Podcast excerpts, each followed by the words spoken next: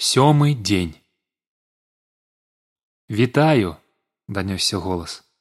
Я здалёк заўважыў цябе ясь расплюшчыў вочы і падняў галаву. Сонца ўжо ўзышло. Перад ім стаяў хлопчык у пастуховай вопратцы.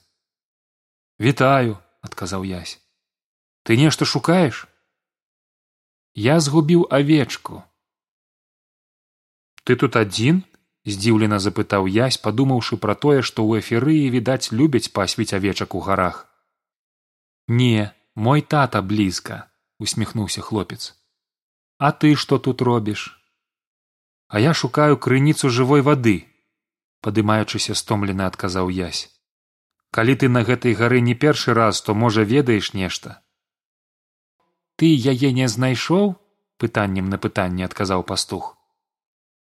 Не яе тут няма хоць раней была. Раней? Так летапісы кажуць што была крыніца.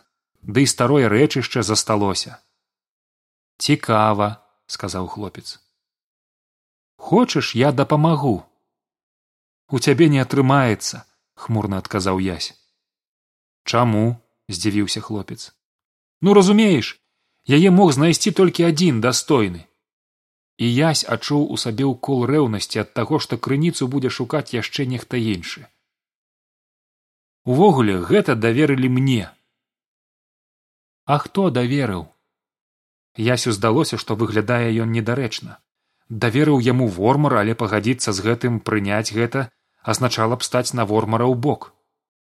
Пэўна ты маеш рацыю уздыхнуў язь я сам сабе даверыў. Можаш пашукаць канечне толькі яе тут няма. Я ўжо мушу вяртацца бывай. Язь зрабіў крок намерваючыся ісці назад у горад. Яна тут спакойна сказаў хлопчык. Што? Знайсці яе лёгка. Як ты сам не заўважыў? Дзе яна?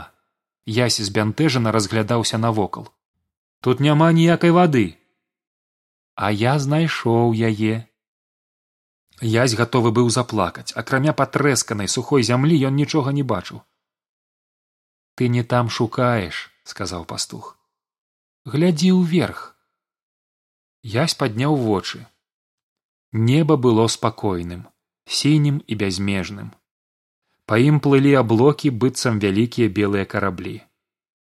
Не было цудоўнай музыкі не ўзнікалі перад вачыма дзівосныя галактыкі але ў гэты момант язь выразна адчуў зразумеў што ёсць той хто стварыў гэта ўсё. І што гэты творца моцна яго любіць. Язь быццам бы акунуўся ў глыбокае сіняе неба поўнае любові і супакою. Бачыш запытаў пастух. Гэта цэлы акіян у трымценні прашаптаў язь ён заплюшчыў вочы і глыбока на поўныя грудзі ўздыхнуў затым паглядзеў навокал. Вецер які раней варушыў высокую траву вялікія камяні ляжалі на тых жа месцах дзе яны былі спрадвек аблокі ўсё так жа плылі па небе. Толькі язь разумеў што ўсё стала зусім па іншаму мне трэба ісці дзякуй табе вялікі сказаў язь ідзі проста адказаў хлопчыку. Язь крыху адышоў потым развярнуўся і памахаў хлопчыку рукой той быццам чакаючы з усмешкай памахаў яму ў адказ. Сонца паднялося ўжо высока і язь зразумеў што яму трэба спяшацца. Каб папярэдзіць стэфана пра пастку трэба яшчэ было нейкім чынам знайсці яго ў горадзе. Ён падышоў да таго месца дзе ноччу падняўся на плато. Выглядала што тут быў адзіны шлях каб больш менш бяспечна спусціцца. Але хутчэй за ўсё ўнізе яго чакалі жаўнеры каб адвесці назад у замак вормар безумоўна чакаў весткі пра жывую ваду. Я стаяў разважаючы што яму рабіць і вырашыў усё-ткі спускацца тут а ўжо ўнізе пастарацца незаўважна прабрацца міма жаўнераў. Толькі ён зрабіў крок як зноў пачуў лопанне крылаў. Быццам з ніадкуль з'явіўся той жа вялізны шэры каршун і сеў на высокі востры камень. І вось яшчэ што пачуў язь голас падумай усё ж пра сваю будучыню. Табе трэба яе ўладкаваць бачыш? Жывой вады не аказалася. З гэтым трэба неяк змірыцца. Жывая вада ёсць адказаў язь не смяшы. Калі ёсць адкрый біклажку пакажы. Язь стаяў моўчкі. Ну што ж ты чаго не паказваеш? Зларадна працягнуў каршун. А нават калі б яна і была табе ўжо не вярнуцца дадому таму падумай што рабіць далей. Птушка нахабна глядзела на яго. Мне здаецца вы з руд адзін аднаму пасуеце. Галоўнае зараз пастарайся не патрапіць да жаўнераў. Знайдзе яе ў горадзе і пакуль не позна адгавары ад авантуры. Яна цябе паслухае. Вы ж як дзве палавінкі быццам створаныя адзін для аднаго. Я табе не веру чтоб ты не гаварыў. І не збіраюся цябе слухаць але яна табе падабаецца настойваў каршун. Не адмаўляйся ад свайго шчасця. Любоў толькі гэта мае сэнс у жыцці хіба не так? Язь завагаўся. Ён узгадаў вечаровае спатканне ў замку яна ў сіняй шаўковай сукенцы прыцімак і свечы за сталом яе бліскучыя вочы і ўзгадаў таксама мірку іх сустрэчы і спрэчкі яе хваробу і ўсе іх размовы. Язь падняў галаву і цвёрда амаль пагардліва адказаў. Ты не разумееш что такое любоў вар'ят ты пашкадуеш данёсся крык. Але ясь ужо спускаўся. Дарога ўніз аказалася не нашмат лягчэйшай за пад'ём ісці трэба было вельмі асцярожна ўвесь час зважаючы на тое каб не сарвацца ўніз на амаль стромых участках якія раз пораз трапляліся Ён падумаў пра тое, што калі каршун раіць збегчы ў горад, то значыць правільным будзе зрабіць якраз усё наадварот ісці да вормара. Я спільна ўзіраўся долу, выглядаючы жаўнераў, але там нікога не было. Ён спусціўся амаль да падэшвы гары, адкуль ужо былі відаць гарадскія ўскраіны. Стой! Ясь уздрыгнуў ад нечаканасці са сваёй засады выскачылі вормараўцы за мной і без жартаў пагрозліва сказаў адзін з іх жаўнеры атачыўшы яго павялі ў горад не сказаўшы болей ні слова. У хуткім часе праз невялікае паўночнае прадмесце што падступала да самай гары яны падышлі да замка.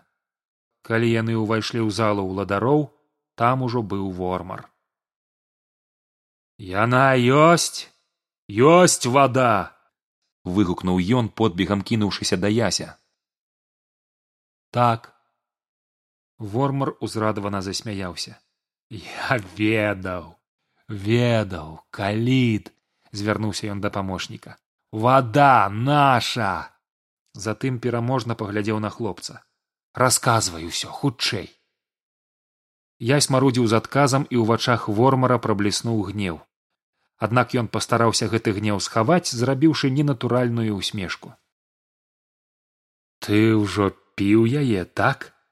Скажы праўду я цябе не асуджаю яна ёсць. І яна паўсюль не толькі на гары. Яна заўжды і ў любым месцы. З намі.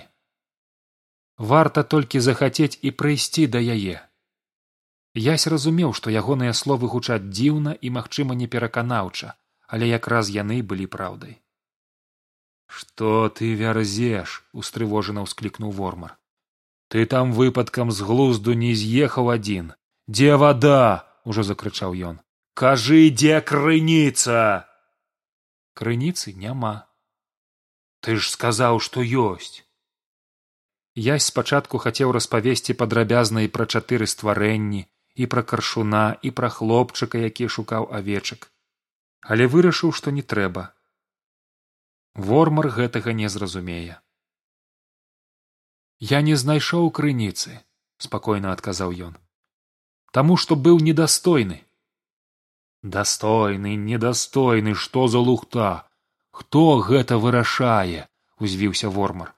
Значыць так сёння вечарам я сам за атрадам выпраўляюся туды.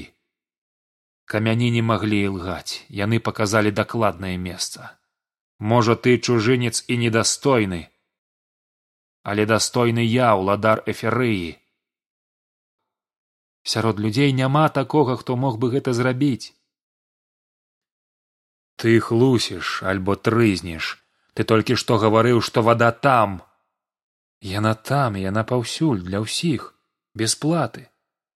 Ты што не разумееш што ты падводзіш усіх нас усіх нашых таварышаў але ж нас не ашукаеш зашипеў як змяя вормар крыніцы там няма яна ўжо даўно перасохла уладар спыніўся ля вялізнага стала на якім ляжалі сем крышталёў ужо вынятых з петрафора. Утаропіўся ў іх звузіўшы вочы быццам нешта ўсвядоміў. Як можна было паверыць гэтым рукапісам? Ідыёцкая казка. Ён раздражнёна змахнуў крышталі са стала і тыя разляцеліся падскокваючы на каменнай падлозе. Вормара было не пазнаць. Раней спакойны зараз ён як драпежны звер кідаўся па зале. Хітры магнус гэта ж так проста і галоўнае эфектыўна аб'яднаць людзей верай у нейкі цуд у чароўныя крыніцы аб'яднаць каб змагацца з нашым родам. Каліт прысеў і пачаў дбайна збіраць самацветы з падлогі. Куды іх асмеліўся ён запытацца ў вормара. У храм далоў з вачэй гаркнуў той. Гэта праўда што вы падрыхтавалі пастку для паўстанцаў і наўмысна далі магчымасць збегчы стэфану раптам запытаўся язь вормар спыніўся і ткнуў у яго бок пальцам. Гэтага у камеру да яся падбеглі ахоўнікі але ўладару відаць прыйшла іншая думка. Не зноў крыкнуў ён. Для яго ёсць горшае пакаранне. Хай пабачыць як будуць паміраць на плошчы ягоныя сябручкі шосты ды ўся ягоная хеўра. У намёце сядзелі стэфан рут даніэль і яшчэ адзінаццаць чалавек. Гэта былі кіраўнікі ўсіх тых атрадаў якія прыбылі ў горад на заклік захоўнікаў. Сябры стэфан абвёў вачыма прысутных.